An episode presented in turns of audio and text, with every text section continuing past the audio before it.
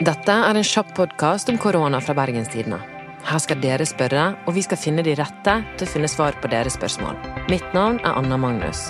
Produsent og kollega Henrik Svanevik, hva er det folk lurer på i dag? Vi gjør jo eh, stadig strengere tiltak for å verne om de som er i risikogruppen. Men det er en del som lurer på hvordan er det egentlig å være en av de som er i risikogruppen?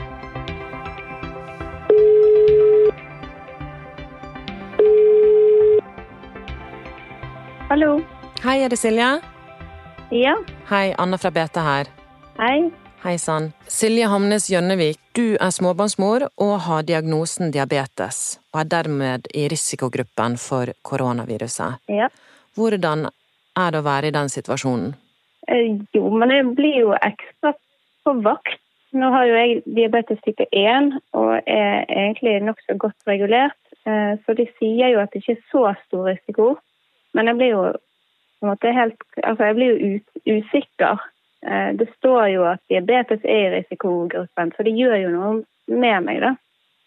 Eh, Og jeg ser jo at ungene mine og mannen min blir jo ekstra bekymret. Og mannen min vil jo totalt isolere meg både fra familie og alle sammen i begynnelsen. eh, og jeg tenker jo at jeg kan jo noenlunde forstå de som har enda større risiko, på tøft det kan være for de. Eh, det er jo klart at det ligger og murer. man blir jo ekstra bekymret for det for seg sjøl og for familien. Hvordan opplever du det, å gå rundt med disse tankene og bekymringene?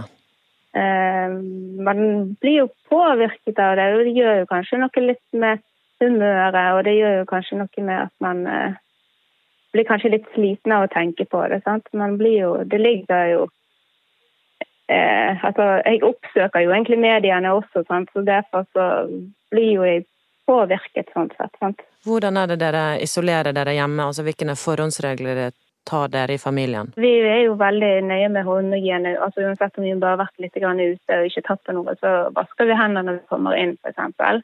Altså, vi har jo ikke med oss ungene på butikken, det er bare én av oss som drar og handler. Altså, vi, eh, og vi har på en måte, vi vasker hendene, vi bruker antibac. Vi holder god avstand fra andre. Så det er liksom, Vi gjør de tiltakene man er blitt anbefalt, og så er vi veldig nøye på det. da. Eh, Og vi var egentlig ganske tidlig med å si til barna våre at de ikke fikk leke med andre, selv om de anbefaler én lekekamerat eh, eller to. Men vi har egentlig satt ned foten og sagt at de ikke får leke med noen. Og de får heller ikke lov å leke på lekeplassen. Eh, Men de får lov å være ute i gaten og ikke det er så mange andre barn der. F.eks. på sykler og sparkesykler og sånt. Men vi holder liksom oss unna folk, da.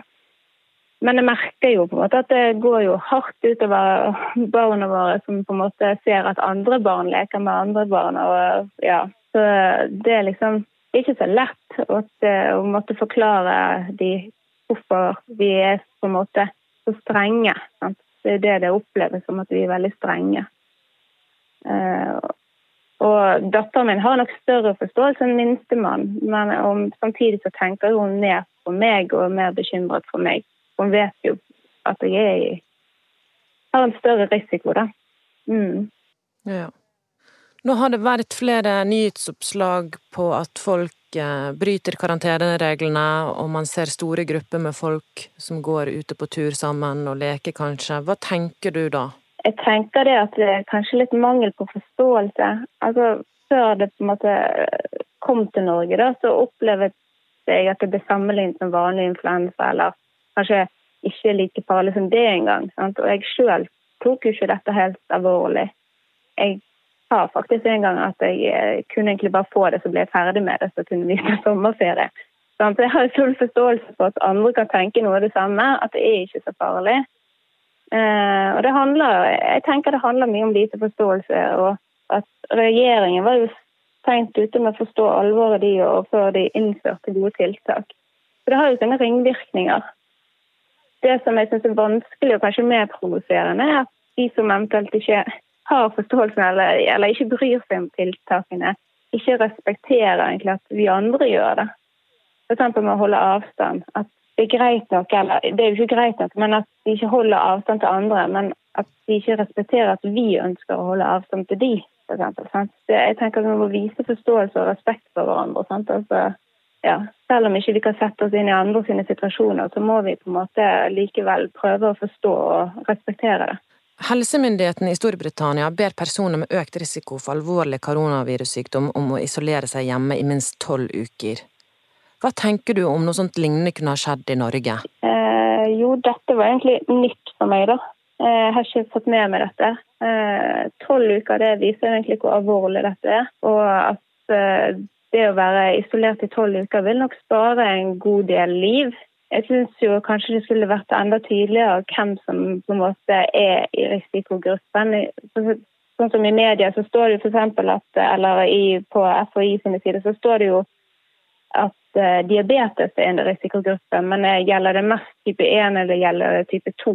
Det, det, er liksom litt vanskelig å vite. Jeg tenker at det vil nok ha en funksjon, men det har jo ikke noe mye funksjon hvis det er bare vi i risikogruppen som skal isolere oss i tolv uker.